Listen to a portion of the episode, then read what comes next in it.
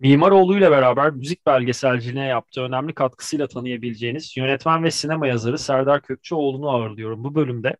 Tüm dinleyicilerimize hoş geldin diyor. Ardından da konuğuma geçiyorum. Serdar hoş geldin. Nasılsın? Neler yapıyorsun? İyisin diye de umuyorum. Ee, iyiyim Arın. Çok teşekkürler. Ee, idare ediyorum vallahi be. Ee, bana arın diyen dünya üzerindeki ilk insan olduğu için de sana ayrıca teşekkür ederim. Hayatımda hiç kimse bana arın demedi. Annem dahil olmak üzere. Ciddi mi? Ama ben genelde orta ismi e, kullanırlar ya. ya. Doğrudur. Ya bilmiyorum benim altta arın da birbirinden garip isimler oldukları için arın denmesine bir şaşırmadım değil ama hoşuma da gitti. Ya şimdi girizgahta zaten adını geçirdim. Yani ben zaten yayına girmeden önce de seninle uzun uzun sohbet ettik. Orada da bayağı e, konuşurken de dile getirdim. 2020'de o pandeminin benim açımdan en azından bir müziği sadece kulaklıkta dinlemek yetinmeyip müziği izlemek, öğrenmek ve onun altında yatan o müziği üreten insanların e, kafalarına girmeye en azından yaklaşma fırsatı doğuran işleri üreten insanlara ayrı bir hayranlığım var. O yüzden senin Mimaroğlu'yla bizlere en azından müziği gerçekten seven insanlara e, sunduğu şey çok kıymetliydi. Ben izninle e, The Boards of Canada'nın Music Has e, the Right to Children'a geçmeden önce bizlere e, sunduğun Mimaroğlu'nun şey sormayacağım bu arada nasıl çekildi, nasıl bir süreçti falan değil artık 2020'de çekildi. 2022'ye geldik yani arada ciddi bir zaman var ve artık belki de yolculuğunun da son kısımlarına geliyor ama arada e, Mimaroğlu kaynaklı çok yayından önce anlattığın harika anılar var. Belki onlardan böyle bir kolaj sunarsın dinleyicilerimize. Kontrol Tabii. sende. Öncelikle ben programa e, davet ettiğin için teşekkür ederim. E, bilmiyordum programı, itiraf edeyim. Birazcık böyle e, sonradan keşfedebiliyorum. Özellikle e, müzik alanındaki böyle e, programları. E, programında hiç müzik çalmıyor olmanı da e, çok beğendim. Ben de şey hissi verdi böyle. E, nasıl söyleyeyim? E, içinde çok az fotoğraf olan gazete ciddiyeti hissi, hissi verdi. Ama çok da ciddi ee, bir sohbet yok içeride. e, olsun. O, a, a, müziğin ke, kesilmeyeceği bir sohbet ve umarım ki e, ben de bir albüm seçtim senin isteğin üzerine. İnsanları bu sohbetten sonra albüme e, yönlendirebiliriz. E, mimar olduğu için, e, söylediklerin için teşekkür ederim. E, ben de e, müzikten aslında ilham alarak sinema yapan, e, belgesel yapan birisiyim. Bunu her yerde söylüyorum. Yani böyle yıllarca sinema sektöründe çalıştım. Sinema eğitimi aldım. E, sinema mezunuyum ve e, açıkçası ben setlerden birazcık korkuyordum. Setler bana çok uzak geliyordu ve e, rahat rahat böyle e, daha korunaklı bir yerde çalışabileceğim, müzik dinleyebileceğim bir iş alanı seçtim kendime. Yıllarca e, yayınlarda çalıştım, platformlarda çalıştım. Ondan sonra pek çok konumda ve bir noktada e, onu hatta hep anlatırım. Böyle bir ajansta çalışıyordum. Yani sinema ile ilgili yerlerde çalışırken böyle bir noktada e, reklama da çalışmıştım. Reklamda da çalıştım. Reklama dönmek durumunda kaldım. 2015 gibi. Çok yoğun çalışıyordum ve e, sürekli yazı yazıyordum. Bir içerik ajansıydı ve e, orada e, tabii ki böyle biraz müzikle e, ayakta kalıyordum. Bir gün böyle bir vantilatör karşısında serinleyip böyle yazmam gereken yazıları düşünüp e, o tekrar dinlerken böyle bir karar aldım ve şey dedim yani hani şu içinde bulunduğum durum kadar zor olamaz. Ben galiba e, film yapmak istiyorum dedim ve e, önce bir kısa belgesel çektim. O benim için böyle okulda öğrendiklerimi e, tazelemek, e, hatırlamak gibi oldu. Ve besteci arkadaşım sokaktan sesler topluyordu. Onu takip ettim. Ondan sonra İstanbul'u dinlemek diye bir kısa belgesel yaptım. Sonra da Mimaroğlu'nu yaptım. Yani benim aslında e, sinemaya e, kamera arkasına geçişim tamamen müziğe, e, müzik tarihine, e, seslere duyduğum e, tutkudan ve ilgiden kaynaklandı. Yani böyle bir, evet filmleri çok seviyorum hadi ben de film yapayım diye e, yola çıkmadım açıkçası. E, sevdiğim türde şeyler çok yapılmıyor gibi hissediyordum ve ben kendim yapayım gibi bir motivasyonla yola çıktım. E, onun dışında zaten konuşuruz. Hani uzun bir benim de dinleyici hikayem var. E, yaş itibariyle 80'lerin sonunda başlayıp 90'larda yoğunlaşan. Efsane Mayhem konserine katılmış bir insan var programda ya. Hani bu gerçekten evet. gözlerimi kırpamadım. Öyle bir şaşkınlık yaşattın bana. Sevgili Taner evet. Yücel sana bahsettin zaten hani e, dokunmuş böyle oha bu konsere evet. giden biri var diye. Ben e, bilgisayar üzerinden online olarak aynı reaksiyonu ver, iletiyorum sana. Evet evet öyle Taner Yücel öyle göstermişti. Ya çok ilginç. Ben e, 89-90'da e, ciddi bir şekilde heavy metal dinlemeye başladım. O dönemde İzmir'de yaşıyordum. İşte ortaokul dönemi ve e, benim İstanbul'da yaşayan kuzenim heavy metal dinliyordu. O böyle bir Şubat tatilinde bir, bir torba kaset getirmişti yanında. Daha CD yoktu. E, kasetlerden dinliyorduk ve o kasette işte e, Metallica'lar, Judas Priest'ler, e, ondan sonra e, Megadeth'ler falan filan böyle bir kaset torbası düşün. Böyle önümde dökmüştü. O benim gerçekten de böyle ciddi müzik dinlemeye e, başlamama yol açtı. Onun dışında böyle bir ufak ufak dinliyordum ama çok ilgilenmiyordum açıkçası yani. Böyle korku romanlarına falan daha çok meraklıydım. E, ilk böyle severek e, dinlediklerimin dışında ilk aldığım kaset benim ACDC'di e, kendime böyle bir e, Blow Up Your Speakers yanlış hatırlamıyorsam albümde. İlk kendime aldım, arşivime koydum. Arşiv de değil yani orada işte kitaplarımın yanına koymuştum galiba. Korku romanlarımın yanına koyduğum ilk kaset ACDC'dir. Ondan sonra ciddi bir şekilde böyle e, heavy metal dinlemeye başladım. Sonra kolejde okuyordum ben. Çok tembel olduğum için beni devlet lisesine aldılar. Orada güzel bir arkadaş e, şeyi yaptım. Kolejden daha iyi bir arkadaş grubu yapmıştım e, lisede. Ve Oradan da sanırım o... bu Boards of Canada'lara doğru giden yolculuk başlıyor sanırım. Orada ben bari sorumu sorayım öyle devam et. tabii ki tabii ki tabii ki ben başladım anlatmaya. Estağfurullah Mimaroğlu sorduk. Mimaroğlu sordum diğer konuya geçtin. Yani Mimaroğlu'nu anlatmadın evet. yahu. Yok işin şakasın. Mimar, Mimaro, Mimaroğlu'na en sonda gelelim. Yani böyle tamam, bir kapatırken. Boards of Canada'lardan sonra falan böyle. Anlaşıldı. E, ee, o şey böyle e, ne derler dipnottan sonra bütün kitap biter en sonunda bir son söz gibi böyle bir fark son söz olmayan ayrı bir yan bölüm olur ya öyle bir kısım olacak. Bir de girersek çıkamayız diye düşünüyorum. Evet, yani hani esas ko- konumuzdan esas konuya gelelim biz diyorsun. Peki. Konu konuya gelelim. Aynen aynen. Peki. Ee, soracağım ilk soruyu zaten oksitledin. Bunun için teşekkür ederim. İlk sorum şu olacaktı. Nasıl bir formatla yani plak mı, CD mi, kaset mi hangileri hangisini dinleyerek müzik dinleme alışkanlığın oluşmaya başladı. Onu zaten kaset diyerek bu sorumu oksitledin. O zaman ben şuradan alacağım. Uh, Boards of Canada ya da IDM nasıl e, dile getirmek istersin? Otaker ya da Apex TV'nin vesaire vesaire. Bunların senin e, hayatına dahil olduğu zaman aralığı nasıl bir yani bu gruplar ya da özellikle Boards of Canada'nın Music Has, to, Has the Right to Children'ı hayatına ne zaman dahil oldu? Nasıl bir süreçti? Hı hı. Ve onun ardından bunu dinledikten sonraki sürecin ilerleyişi nasıl bir yere taşıdı seni? Çünkü hı, Mimaroğlu'da tamam. bir e, elektronik müziğin en en azından ilk yapanlardan oradaki ilk hı hı. anıt isimlerden biri. En azından e, underground yani yeraltı e, sahnesinde buraya doğru giden bir belgeseli dahi üretmiş birinin bunlardan çok daha farklı, çok daha e, cafcaflı bir hikayesinin çıkacağını ben hissediyorum. Şimdi şöyle, e, heavy metal dönemim benim Nirvana'nın e, Nevermind albümünün kafamıza düşmesiyle birazcık sona erdi aslında. E, yani heavy metal dinledim, bir dönem çok sert şeyler dinledim. Hala e, Slayer'ı, Creator'ı çok severim ondan sonra ama e, Nirvana'nın albümü gerçekten böyle bizde bir şey etkisi yarattı. Yani evet sanki dinlediğimiz müziğin en ucunu keşfetmişiz ve onun ötesinde bir şey konulamazmış gibi tuhaf bir his yarattı ve bayağı kafayı taktık biz o dönemde. Hatta ben MTV gelmişti Türkiye'ye ve sürekli MTV dinlediğimiz bir dönemdi. Ee, ölüm haberini bayağı gecenin bir vakti böyle MTV açık. Ben bir şeyler yazıyorum arkada. Arada kafamı kaldırıp televizyona bakıyorum. Çünkü hani MTV'de her an bir şeyler çıkabilir ve çok önemli MTV bizim için. Orada bir altyazıda Kurt Cobain'in öldüğünü okumuştum ve şok oldum. Tabii ki cep telefonu diye bir şey yok. Ee, ve sabah devrim vardı. Çok yakın bir arkadaşım İzmir'de. E, o da müzikle uğraşıyordu.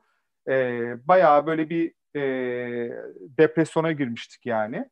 Ben ondan sonra enteresan bir şekilde böyle birazcık daha farklı şeyler dinleme e, ihtiyacı hissetmeye başladım ve tabii ki radyo çağırdı ve ben de bir radyo programı yaptım ve o İzmir'deki radyoda e, yani çok farklı müzikler dinleyen insanlarla tanıştım.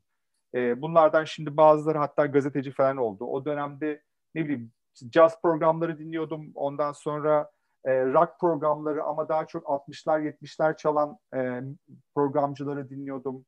Yani arabesk de dinliyordum falan. Mesela orada çok ilginç bir adamla tanışmıştım. Adını maalesef unuttum. Her müziği dinliyordu. Ve daha Roll dergisi yoktu. Roll dergisi mesela e, bende birazcık şey bilinci oluşturmuştur aslında. İyi bir dinleyicinin her şeyi dinleyebileceği, önemli olan nasıl dinlediğin, nasıl bir kulakla dinlediğin fikrini vermişti. Ee, yani mesela Nazan Öncel'e de farklı bakmam gerektiğini falan ben o dönemde Roll dergisinde öğrenmiştim. O, ama onun öncesinde bu radyo bana şeyi öğretti. Yani bir, bir türe saplanıp kalmamalısın. Kulağın geliştiği zaman her şeyi farklı bir gözle, kulakla dinleyebilirsin. Ve mesela Dead Can Dance'i keşfetmiştim ben ve çok etkilemişti beni Dead Can Dance. Ki düşün hani dinlediğim gitarlı müzikleri hiç benzemiyordu. Onların galiba ilk albümü birazcık daha böyle bir industrial bir albümdür. Onun hı hı. sonrasındakiler falan o klasik Dead Can Dance sound'una sahip. Biraz da Godflesh havası var ilk albümünde. Evet evet çok şaşırtıcıdır ama ben tabii sonraki albümleriyle falan biraz zevkim değişti diyemem. Çünkü hala e, gitarlı müzik dinliyordum. Yani New Model çok severim mesela. Onunla ilgili de bir şey anlatacağım. Sonic Youth'u çok severim. Hiçbir zaman vazgeçmedim. Ama farklı şeyler dinlemeye başlamıştım. Tabii ki dediğim gibi Roll dergisinin çıkması, onun sayfalarında e, yani işte Bob Dylan'ı da okuyorsun, Nazan Öncel'i de okuyorsun, hop Bülent Ortaçgil'e geçiyor. Oradan Neubautun'la ilgili bir yazı. Bu arada bunları hani e, atıyorum tamamen ama yani o sayfalarda görüyor olmak birlikte e, bizi çok eğitmiştir ondan sonra. Bunu da hani burada söylemek isterim.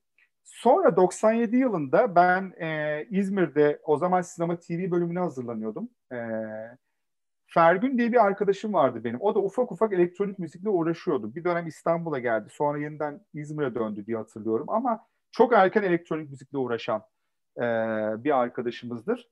Bana böyle bir kaset verdi ve içinde şey vardı. E, Otaker'la Future Sound of London vardı. Ve hı hı. yani bunlar böyle İzmir'de kolay kolay bulabileceğim müzikler değil. O müzik hakkında da hiçbir fikrin yok. Yani New Age biliyordum. Hatta New Age biraz ilgimi de çekiyordu benim. Belki dediğim gibi ufak ufak beni ambient'a hazırlamış olabilir o şeyler. Yani ben böyle biraz bilinçsizce ve merakla New Age kasetleri alıp dinlediğimi hatırlıyorum. Onların o sözsüz film müziğine benzeyen atmosferi bana cazip gelmişti. Ama Fergün'ün e, bana o kaseti vermesi gerçekten de beni bambaşka bir dünyaya soktu. Ve çok erken bir tarihte 97'de.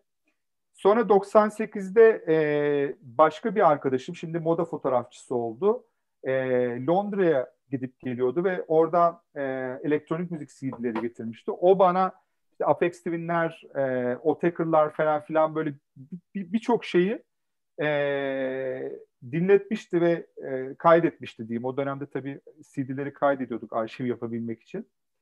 E, orada ciddi elektronik müzik dinlemeye başladım ve 97-98 özellikle de mesela 99 çılgınca elektronik müzik dinlediğimiz bir dönemdi bizim. İşte Murat Güneş vardı. Murat aynı zamanda Mimaroğlu'nun e, danışmanı, iyi bir elektronik müzik e, araştırmacısı ve e, enstrüman koleksiyoncusudur. Onunla birlikte çok ciddi bir arşiv yaptık ve ya o dönemin şöyle bir özelliği var. Hani dedin ya IDM mi yoksa ambient techno mu çok bilmiyorum ama bildiğimiz bir şey vardı. Biz elektronik müzik dinliyorduk ve dans etmekle çok bir şeyimiz yoktu. İlgimiz yoktu. Yani biz Zaten evet, ben... zihninizin içinde dans ediyordunuz. Onun verdiği Aynen. ilhamla veya onun ver, onun size verdiği farklı onun size açtığı farklı kapıların e, içinde bulunduğunuz yeni dünyalarla ve bunun için farklı bir yerde bulunmanıza gerek yok. Sadece play tuşunun çalışması ve oradaki notaların, oradaki müziğin kulağınızda çalması yetiyordu.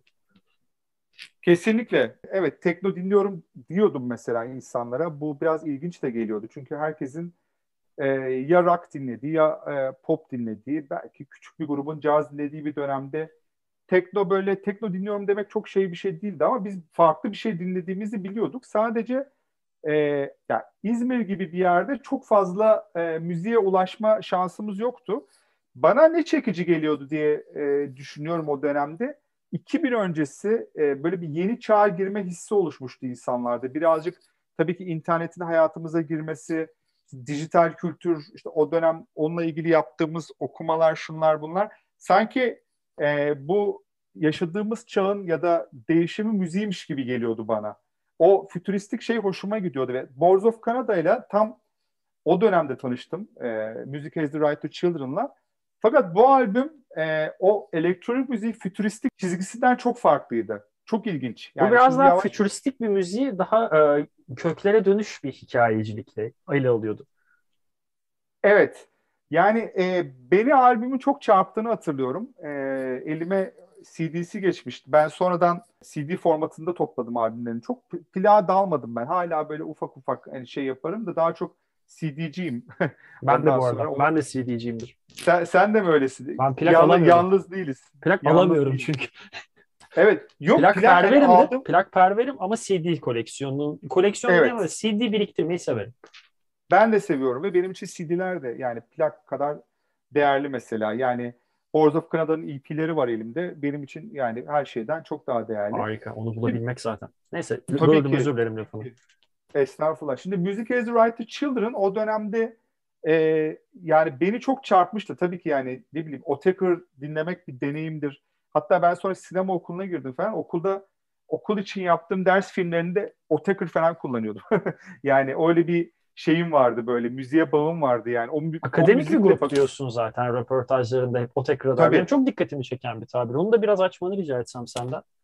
Yani şöyle e, ya aslında mesela Otaker Boards of Canada öyle değil. Hani bence şey yani e, psychedelic ve hip hop arasında böyle özgün bir sound yarattı ama, ama Otaker tamamen şeyi yani bu İlhan Mimaroğulları'nın falan geldiği hani çağdaş elektronik müzik ya da elektronik müziğin avantgard köklerinden beslenen onun devamı gibi kabul edilebilecek bir grup. Yani e, işte ne bileyim İlhan Mimaroğlu ve belki de daha çok hani Bülent Arel'in çizgisini devam ettiren bir grup. O anlamda e, yani mesela Bülent Erel e, Amerika'da akademisyendi hani e, elektronik müzik bestecinin yanında. O Taker'ın öyle bir çok akademik mesaisinin olduğunu zannetmiyorum ama yaptıkları müziğin e, o şeyi deneyselliği ya da içerdiği arayış onları bence bir akademik şeye oturtuyor.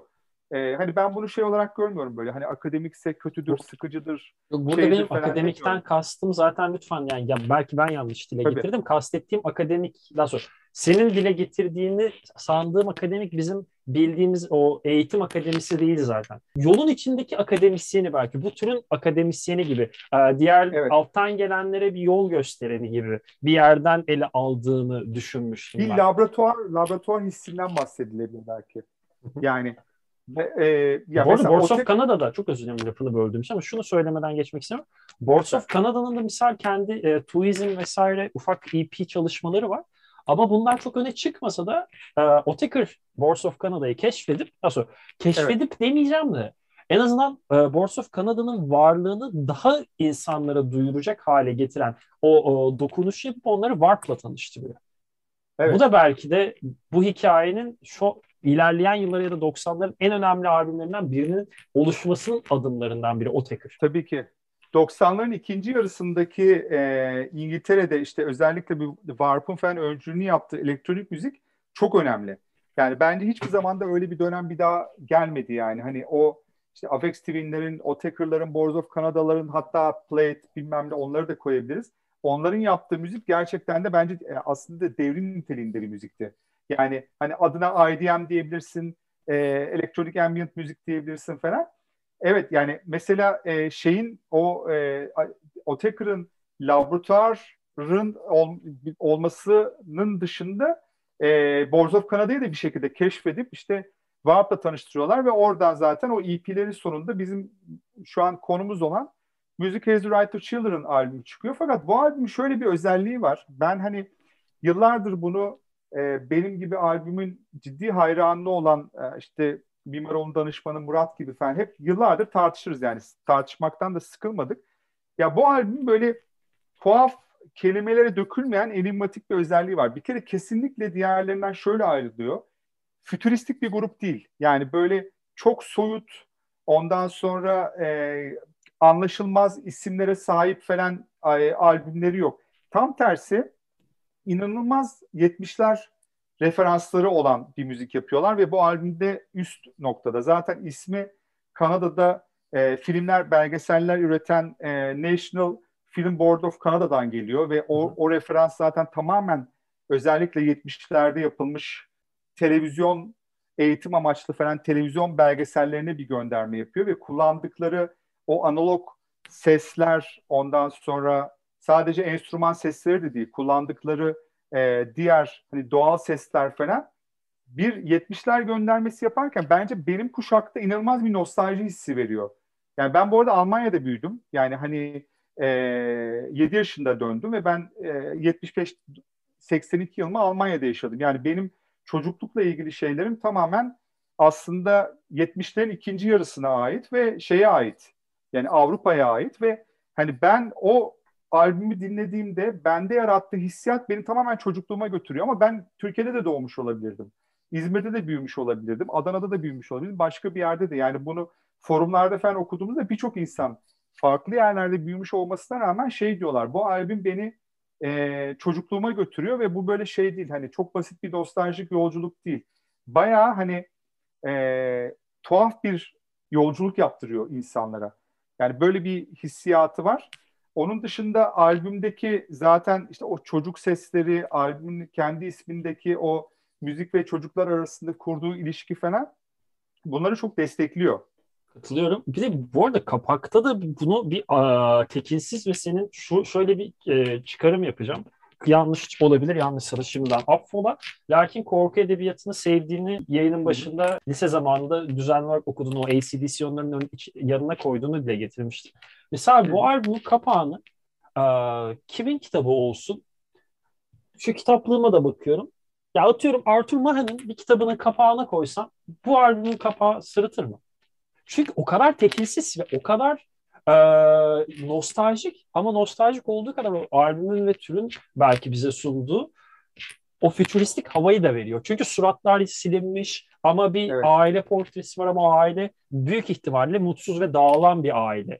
Ve bunların hepsini evet. birleştirirken de müziğin çoğunlukla çocuk sesleriyle müzikal tarafı desteklemesi belki de az önce bahsettiklerinin de bir e, Kenny olabilir belki bu kapağın da yanın kapağın yanında e, getirdikleri. Kesinlikle yani bir kapak e, birazcık hani günümüzde böyle kapaklar artık ortadan kayboldu ya hani hep e, dinleme tecrübemizde hala hani plaklar aslında CD'ler o anlamda ve kasetler o anlamda önemli. E, yani kapağın müziği desteklediği bu kadar desteklediği bir örnek herhalde çok azdır. Bir de bende albüm mesela e, konsept bir albüm demiyor hiçbir zaman. E, bu arada e, hani Boards of Canada iki kardeşten oluşuyor. Her ne kadar soy isimleri farklı olsa da bir konsept albüm olduğunu söylemiyorlar ama yani ben mesela hiçbir içindeki e, şarkıyı, track'i ayıramıyorum. Yani bir tanesi benim için ön plana çıkmıyor. Benim için o albüm baştan sona bir dinleme şeyi. Orada tamamen böyle baştan sona bir ses evreni yaratmışlar ve dediğim gibi o evren bizi özellikle bence benim kuşağımı doğrudan çocukluğuna götürüyor ama bunu e, daha genç dinleyiciler de hissettiklerine eminim ondan sonra ama çocukluğu 70'lerde götürenlere farklı bir deneyim yaşattığı muhakkak ki kapak da aslında böyle bir 70'lerde çekilmiş bir fotoğraf. Aile e, albümünden bir fotoğrafmış o. E, Sanderson'ın söylediği o en azından. Evet söylediği o. Yüzlerin olmaması da tabii ki bir tekinsizlik yaratıyor. Belki hafızamızdan silinmiş olan bir şeyi yavaş yavaş e, belirtme gibi bir his veriyor olabilir.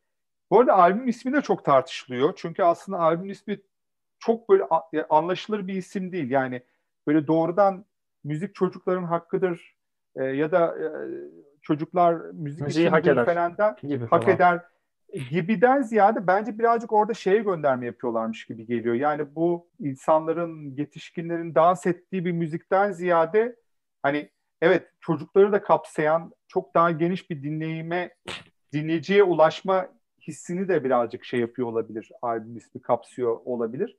Ya da bilmiyorum ben öyle düşünüyorum. Çok anlaşılır bir isim değil. Yani bir şiirsel şeyi var. Çok e, oturuyor. Hani o müzik ve çocuklar arasında kurduğu ilişki ve şey e, bağ, bağlantı. Ama e, yani bana verdiği daha çok şey o, his o ya da tamamen dinleyicinin kendi e, çocukluğunla kurduğu ilişki de olabilir ki ben dediğim gibi yani müziğin bende yaptığı şey çağrışımı. Onun dışında 90'ların ikinci yarısı IDM'in en önemli albümlerinden birisi ve Boards of Canada ondan sonra çok fazla albüm yapmadı ama e, herhalde bir 3-4 tane albüm yaptı. 3 tane.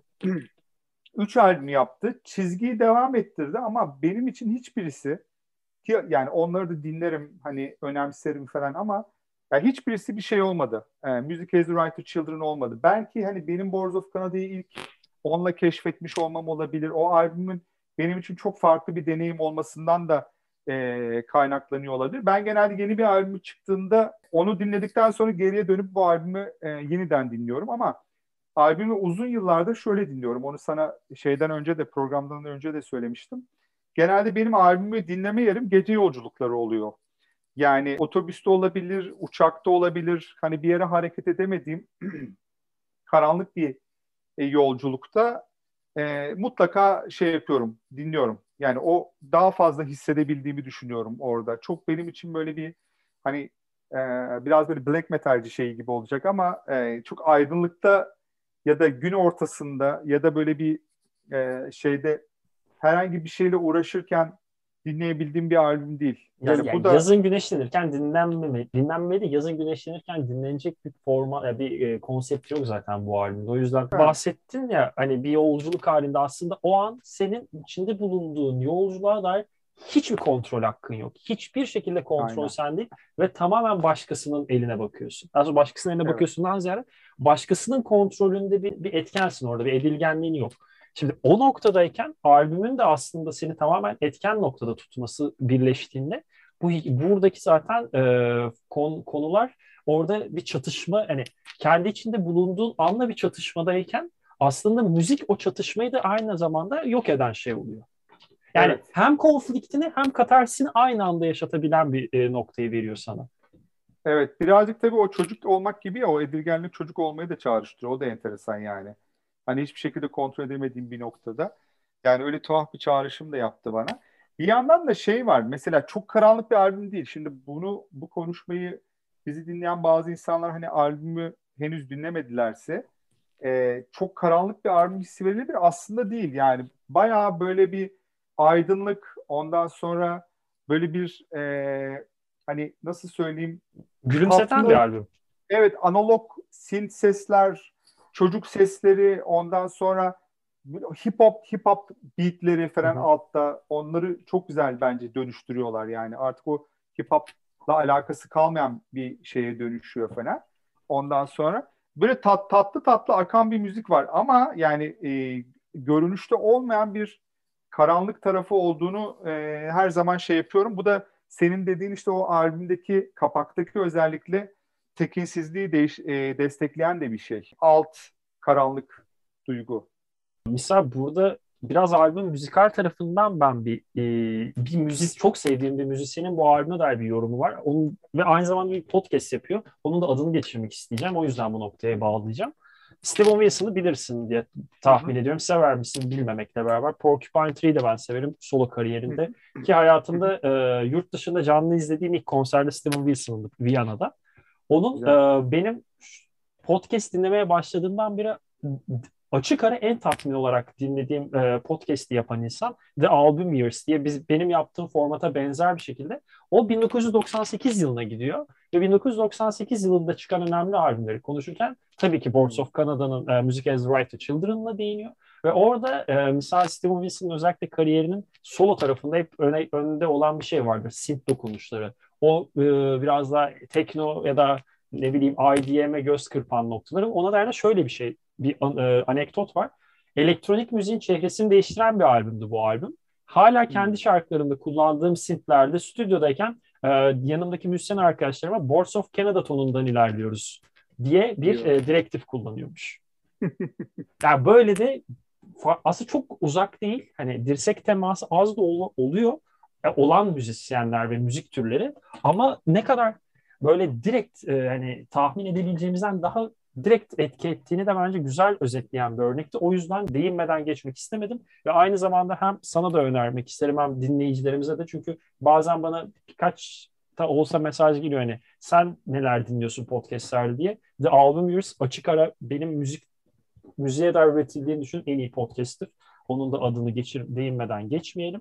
Bu arada ben sana başka bir şey daha sormak istiyorum. Senin için de uygunsa. Mesela bu albümü seçmeden önce bir albümle ikisinin arasında kaldım dedim. O albüm evet. neydi ve onun da bir çalışırken e, sürekli dinlediğine dair birkaç şey söylemiştin. Belki ufak da olsa ona da bir selam çakarız. Hani tabii, tabii. tercih senin.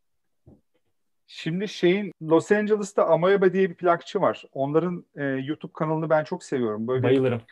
Müzisyenlere biliyorsun şey. What's hani, in your bag? Evet. E, o, orada Steven Wilson da bir konuk olmuştu. Ya yanlış hatırlamıyorsam şimdi kontrol edecektim edemedim. Galiba orada da Otaker'la başlıyor tavsiyelerine. Sen devam et ben evet. onu hemen bulurum. Evet galiba direkt Otaker'la başlıyor ama çok böyle geniş bir e, müzik zevkinden e, seçkiler öneriyor şeyde. Şimdi ben e, şimdi sen bana ilk davet ettiğinde şey deyince hani senin için unutulmaz olan ve vazgeçilmez olan albüm deyince aslında bende öyle 2-3 albüm var ama e, Bu arada Otaker şey, Plus albümü. Çok özür dilerim. Otaker'ın Plus ve Sign'ını alıyor. Eş zamanlı olarak evet. e, Max Richter'i de alıyor. Bir de biraz daha klasik müzik tarafında evet, bu klasik. işin. Evet, evet. Dilerim, o, ben çok şaşırmıştım ona. Bu arada programı çok beğeniyorum ben de. Hiç eksiksiz takip ediyorum. Bazen kendim de böyle hayal ediyorum. İşte ben o dükkana gitseydim acaba e, işte çantama hangi albümleri doldurup tanıtırdım falan diye. Bunun aynısını bir Criterion'da yaşıyor musun? Onu da soracağım. Evet, evet tabii tabii yaşıyorum. Onda da onda da yaşıyorum. Ama ben, ben müzik tarafında daha çok heyecanlanıyorum ya. Doğru. Yani hani Criterion'da evet ben de orada bir şeyler seçerdim falan ama ya muhtemelen şey olurdu. Benim orada seçeceğim şeyler de herkesin seçtiklerine aynı olurdu Anladım. diye düşünüyorum. Yani e, çok hani e, işte Pasolini alırdım, e, şey alırdım falan filan. Günün sonunda seçtiklerim eminim bir başkalarına aynı olurdu. Ama müzik tarafı bana çok daha mesela işte Wilson'ın seçtiklerine bakıyorsun. Otaker'dan sonra Abba seçiyor falan. Yani Otaker, Abba, çok... Soviet France falan. Evet, Soviet France Prince. seçiyor yani hani. Prince seçiyor. Bu bu şey e, çok daha yani orada sonsuz müzik şeyinden zaten çok geniş bir arşiv var plak dükkanının. Yani orada insan e, muhtemelen red cevabı almaz yani. Bu albümü de ben göstermek istiyorum falan dediğinde bulurlar, şey yaparlar, koyarlar. Şimdi ben senin programında e, Boards of Canada ile birlikte şeyi düşünmüştüm. E, Apex TV'nin Selected Ambient Works'ünü. E, özellikle de ikincisi çünkü ben mesela o albümü 90'ların sonunda dinlediğimden beri galiba onların yapılışma tarihi 90'ların ortası olması lazım. Yani Richard James çok erken yaptı onları. Çok bence de acayip albümler yani. Hani benim sonra ben Apex TV'nin yaptığı tekno e, albümlerden böyle bir tık daha fazla seviyorum. Onun bu ambient şeylerini, e, bestelerini. Ben mesela yıllardır cidden çalışırken şey dinliyorum. E, Selected Ambient Works'ü. E, hiç hiç bıkmadım yani. O benim için her zaman şey e, çalışırken, fikir üretirken, o işte reklamda çalıştığım dönemde mesela kağıt kalem alıp çok şey yapmışımdır. İşte fikir bulmaya çalışmışımdır, bilmem ne böyle falan e, işte müşterileri şunlara bunlara. Sonra e, işte ne bileyim sinema ile ilgili yaptığım e, işlerde falan. Ama yani Boards of Canada bir tık daha benim için galiba kişiselleşti. Öteki benim için çalışma müziği olmasına rağmen buna kızanlar da olabilir bu arada ama çalışma müziği aslında şey gibi görüyorum ben onu yani sevdiğim bir kalemi kullanmak gibi ya da hı hı. sevdiğim bir Uğurlu kalemin vardı gibi. falan. Evet evet o da öyle bir müzik benim için. Hep uğurlu gelmiş müzik dediğin gibi. Ee, ama hani Boards of Canada böyle bir, bir, bir tık daha hani şeyinin de nasıl söyleyeyim e, orada onun e, Wilson stüdyoda onu söylemesini çok iyi anlıyorum. Çünkü aslında kendi türünü e, yaratmış bir şey. Şimdi Selected Ambient Works çok önemli bir albüm ama aslında biraz Brian Eno sonrası Ambient'ı devam ettiren bir albüm. Yani Brian Eno'nun yaptıklarının sonrasına koyduğu bir şey. Yani e, Richard James'in Selected Ambient Works'ü için kimse çok özgün diyemez. Sadece çok iyi, çok iyi ambient şeyleri yani. İnanılmaz etkileyici, inanılmaz şey. Ondan sonra güçlü.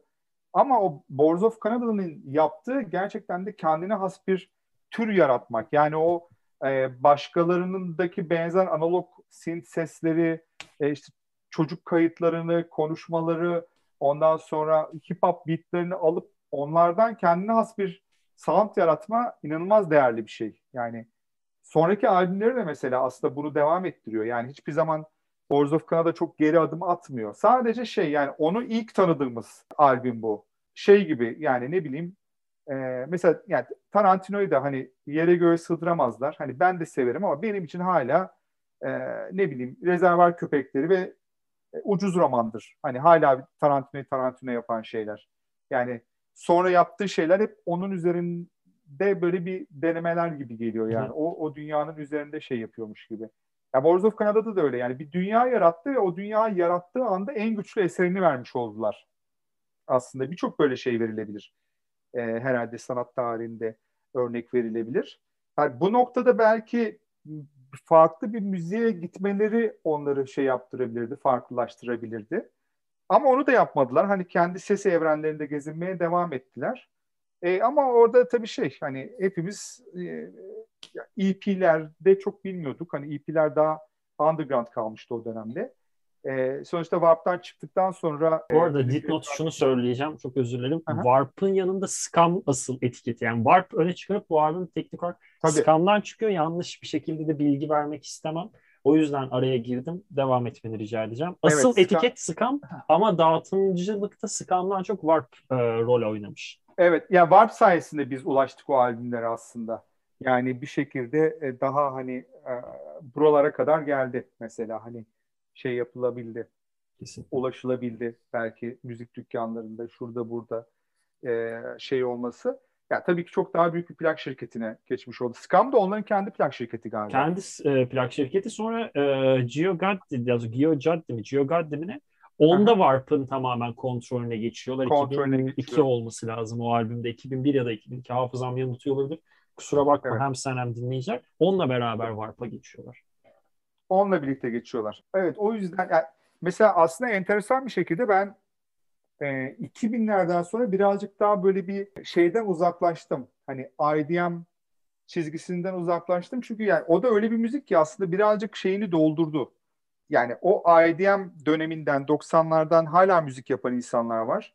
E, hala benzer bir müzik yaptıklarında beni çok heyecanlandırmıyor açıkçası. E, yani mesela Music falan var böyle bilmem ne. Hani onlar müzik yaptıklarında hala o 90'larda ne yapıyorlarsa onu yapıyorlar. Ya da Plate de mesela bana öyle geliyordu e, son albümlerinde falan. 2000'lerden sonra ben birazcık daha böyle bir e, işte elektro, dark elektro, ondan sonra daha böyle bir analog sinte dönüşle birlikte daha böyle synthlerin ön plana çıkardığı şeyler dinlemeye başladım. Mesela Lego Welt'in plak şirketi vardı Strange Life diye. Oradan çıkan şeylere falan çok kafayı taktım. E, ve hani birazcık böyle şey de oldu. E, onun ardından da hafiften böyle bir 2000'lerin sonunda bir elektronik müzikte sanki bir doygunluğa geldiğimi de hissetmeye başladım. Ee, yani çok çok heyecan verici şeyler çıkmamaya başladı. Yani bunu mesela Wire'ın şeylerinde de görebilirsin. İşte bu yıl sonu listelerinde falan da giderek böyle elektronik müzik albümleri Azalır. düşmeye, azalmaya başladı. Çok hani ilginç şeyler yapan birileri hani onların radarına girdi ve onları listelerine almaya başladılar. Ama e, ya 2000'lerin sonunda bence o bir bir düşüş başladı.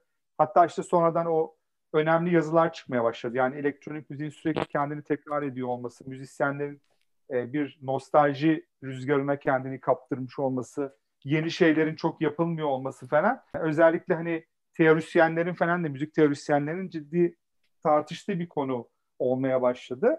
Ama e, yani şöyle bir güzellikten de tabii ki bahsetmek lazım. E, bu 2000'lerde özellikle hani elektronik müziğin hala ciddi bir şekilde dinlendiği dönemde Türkiye'de çok önemli isimleri canlı izleme fırsatı bulduk. Kimlerle bunlar? Ya mesela biraz da e, o hikayelere gelelim. Tabii ya hiç hiç ummadığımız insanları yani bir kere e, yani Apex Twin geldi. Ben izlemedim. Ondan sonra o tekrar hiçbir zaman maalesef gelmedi ama hani Play It, Mouse on Mars gibi böyle hani o IDM ya da 90'lar elektronik müzik ekolünün e, pek çok ismi geldi buraya. Benim Mason mesela Lego zaten e, Mimaroğlu'nda izlemişti. Yanlış bilmiyorsam. Evet, o da, evet, evet. Onlar e, onlar da Mimaroğlu'nu merak edip iletişime geçenlerden oldular. Tabii bu çok heyecan verici şeyler. Mimaroğlu San... konusunda gel, Mimaroğlu gelelim, yok, geliriz. şöyle yok ben şey yapacağım. Hem Mimaroğlu'ndan bu hikayeleri anlatırken araya Mimaroğlu'yla eşit olarak bağlantılı olacakları da araya sokuşturacağım. Yani mesela San O'nu senden gelip e, Mimaroğlu'nu izlemesi bence hani keşke bunu e, başka yayınlarda ya da röportajlarda da paylaşsaydın ki çok daha önceden bu haberi daha çok insana belki ulaşması ben çok isterdim. Hem bir müzik sever hem bir sinema sever olarak. Onu da söylemeden geçmek istemiyorum. Ya da sana ya, bu insana karşımdaki konu Thurston Moore görüldü attı ya. Bu inanılmaz bir seviyedir. ya Thurston Moore'da görüldü yiyen bir konuğa sahibim. Ben gerçekten programı kapatabilirim.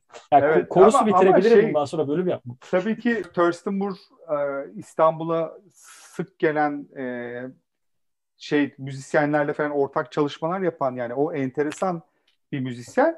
Ya bizde o hikaye şöyle oldu aslında. Ben ilk şeyle e, New York'a çekime gittiğimde Lee Ronaldo ile tanıştım Sonic Youth'ta. E, çok da ilginç bir konser. Onu burada anlatayım. Bu arada tabii ki bunları böyle programlarda söyleyebiliyoruz. Yani başka röportajlarda ya işte e, Lee Ronaldo'ya Mimaroğlu'ndan bahsettim demek falan bazen e, şey Olmuyor. olmayabiliyor. Etik yani olmuyor burada daha, içinde. Burada daha iyi anlaşılıyor falan. E, şimdi 2018'de biz Mimaroğlu'nu için ikinci kez New York'a gittiğimizde bayağı sıkı bir programımız vardı ve bir gün boş zamanımız vardı. Bir cumartesi günü ondan sonra ve ben de o gün e, bir şekilde böyle bir, bir konser bulmak istedim. Yani hazır oraya gitmişken böyle bir şey bulalım diye.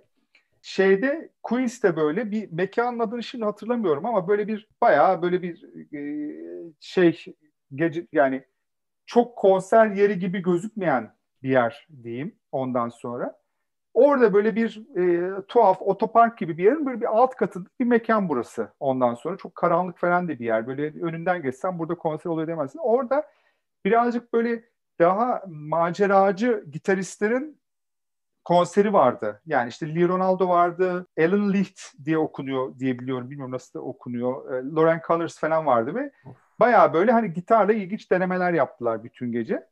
Fakat bunun olduğu yerin yan tarafında başka bir konser daha vardı ve bu konser bittikten sonra biz bizim görüntü yönetmeni Levent'le birlikte oraya geçtik.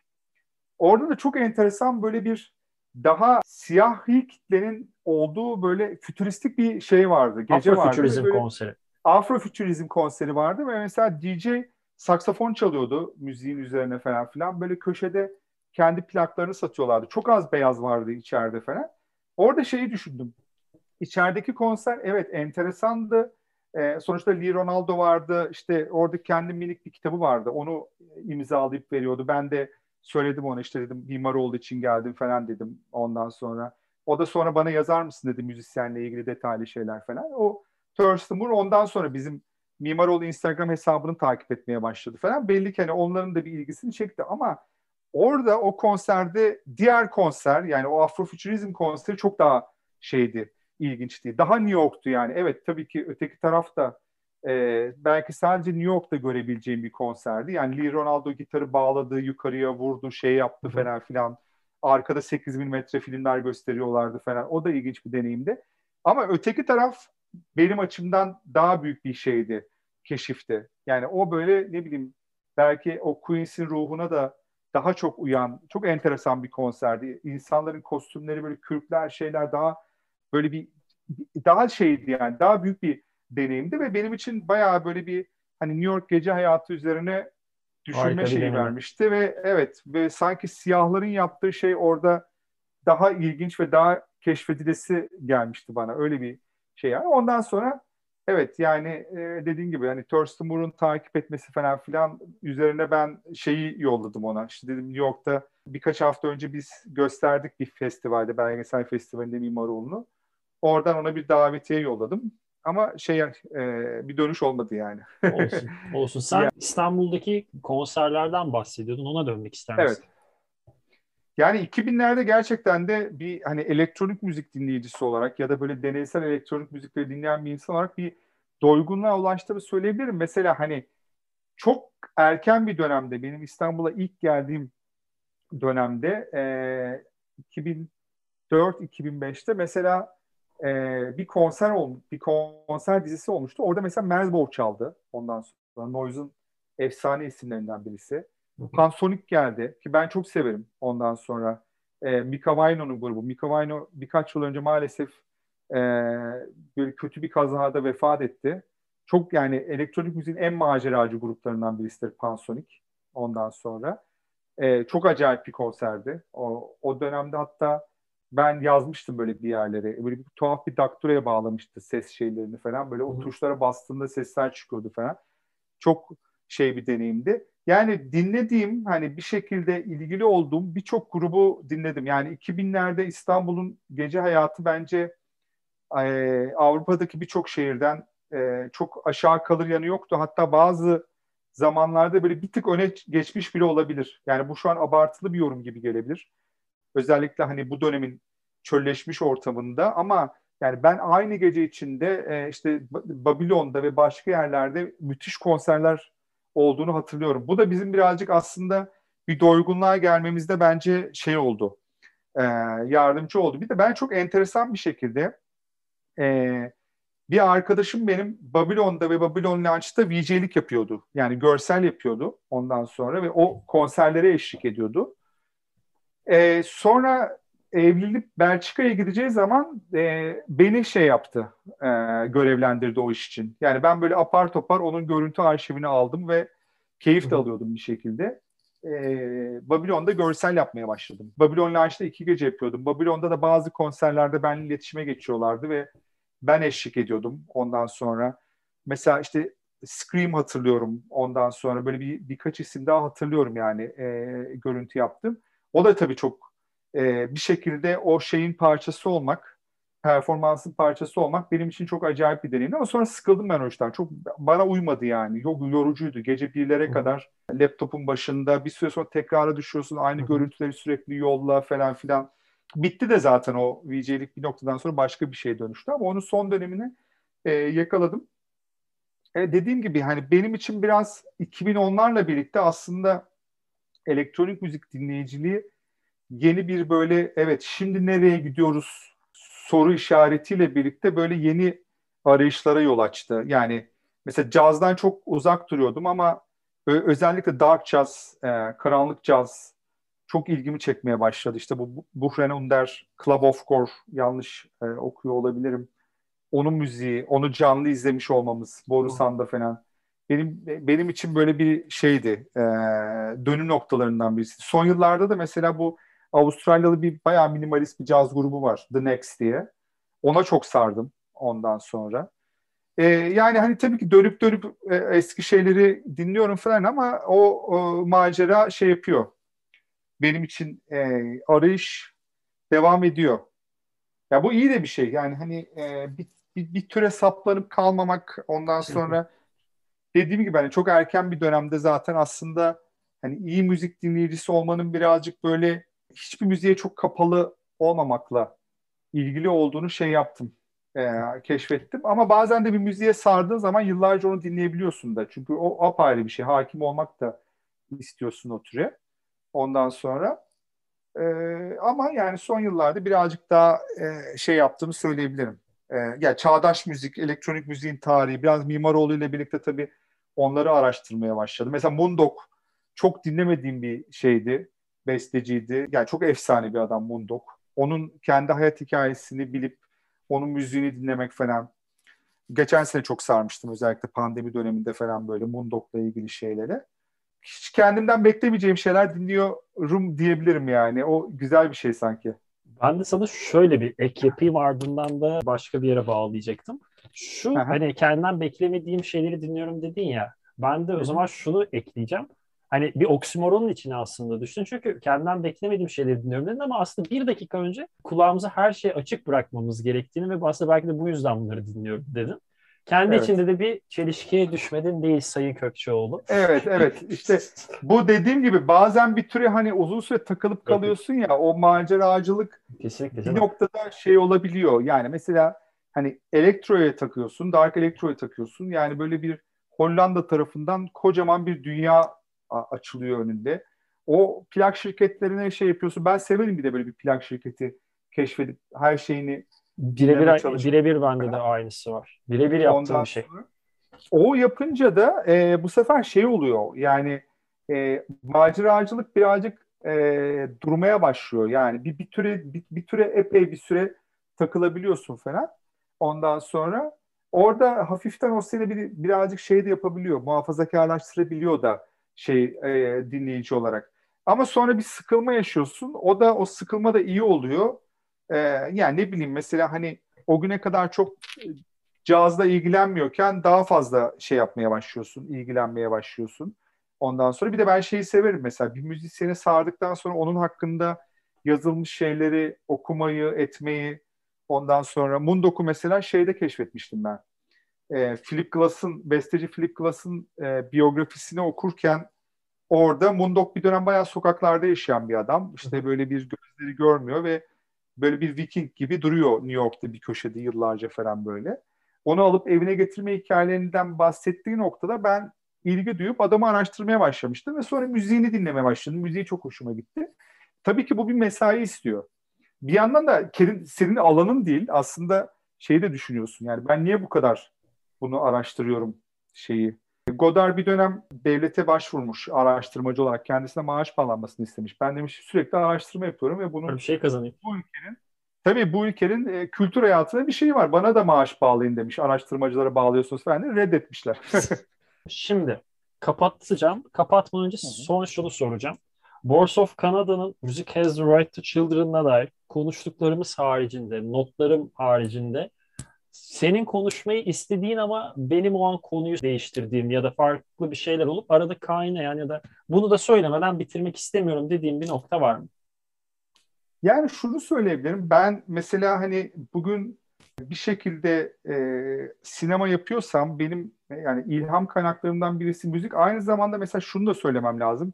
Wars of Canada ya da Otaker ya da hani sevdiğim birçok e, deneysel elektronik müzik projesinde ben şeyi öğrendiğimi hissediyorum. Yani bir takım bir, formal denemelerle çok bir takım duygusal melodileri bir arada durmak, duymak. Mesela o Taker'da o bana bir şey öğretti gibi geliyor. Ve bana sinemada da ne yapmam gerektiğine dair bir şey söyledi. Yani evet bir, bir deneysellik ama e, bir e, formal denemeler ama bunun asla soğuk kalmayacağı, çok daha insani bir içerikle birlikte olabileceği şeyi ondan sonra benim mesela şeyim hani bunu ben Mimaroğlu'nda da birazcık yapmaya çalıştım. Hani bundan sonrakilerde de yapacağım. Hani bunun esinini daha çok ben müzikten aldım gibi geliyor.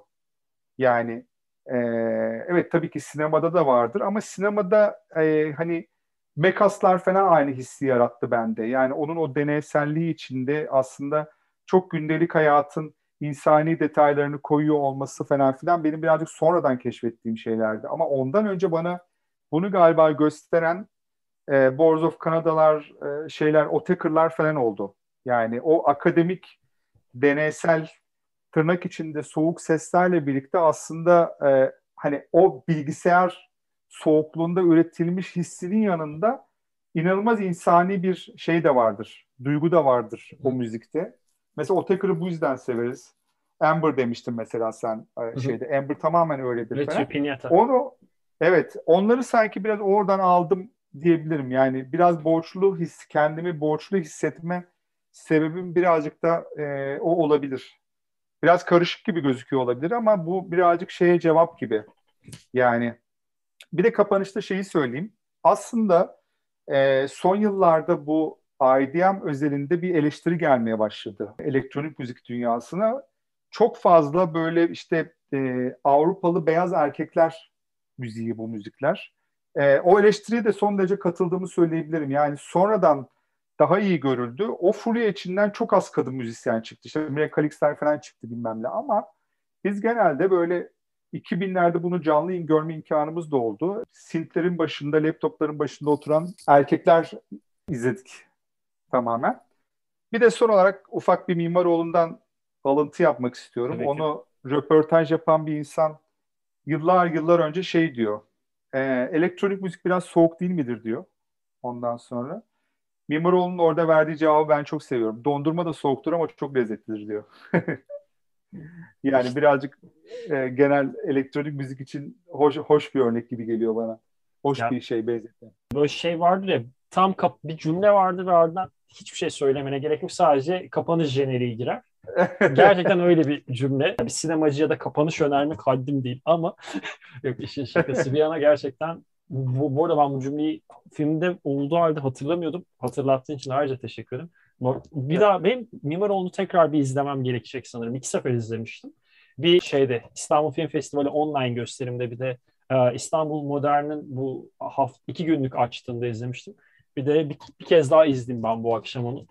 Sana da gerçekten Olur. çok teşekkür ederim. Hani Boards of Canada, IDM diye girdik. İstanbul'un eskisini de konuştuk. Godard'a geldik. Kesin başka bir şeyler daha konuştuk. Şu an direkt konu başlığı aklıma gelmiyor. Hani hakikaten çok keyifli bir sohbetti benim açımdan. Umarım seni de sıkmamıştır. Sen de keyif almışsındır. Çok keyif aldım. Çok keyif aldım. Müzik konuşmaya e, sonuna kadar varım. Yani bir şeyde 90'larda işte bu radyonun altın çağında radyo programı yapıyorduk mesela. Gece başlardık sabaha kadar konuşurduk. İşte muhtemelen yani şimdi dinlemeye kalksan dinlenecek şeyler değil. Çünkü o dönemde bilgi de azalıyorduk ve az Hı. bilgiyle böyle bazen de yanlış bilgiyle sabaha kadar konuşuyorduk. Bir şey evet. duymuşuz böyle falan filan. Ee, o yüzden hani ben müzik konuşmaya sonuna kadar varım. Çok keyifli oldu. Ben teşekkür ederim. Ben de aynı şekilde. Ya bana kalsa ben de sabah kadar konuşuyorum da podcastler canlı olmadığı ve band kayıt olduğu için aslında teknik olarak formatta ve bunu insan dinleyeceği için yani bir insanın karşısında çat 65-70 dakika bölüm vermek de cesaret istiyor. Yani e, o, hakikaten dinleyiciyi de düşünmek gerekiyor. O yüzden bazı yerlerde normalde devam et sen zaten yayından önce bir saate yakın konuştuk. Bazı yerlerde özellikle kesmek durumunda kaldım. Senin onun için de affola. İyi ki geldin. Çok keyifliydi. Sen yarın akşam, yani biz bunu 2022'de yayınlayacağız ama sen yarın akşam bir New York'a gideceksin. Mimaroğlu'nun bir sonraki e, yurt dışı gösterimi için. Döndüğünde vaktin olursa bunu yayın haricinde bir de yüzde sohbet önerisinde bulunacağım sana. Hatta şey sen New York'a gideceksin. Ben senden bir New Yorker sayısı isterim. Karşında biralar benden olur. Bu anlaşmayı öneriyorum. Ardından da senden de thumbs up parmak yukarı geldi. Sizlere de dinlediğiniz için çok teşekkür ediyorum. Konuş yeni bölümlerinde yeni konuklar var devam edecek. Kendinize iyi bakın. Hoşçakalın.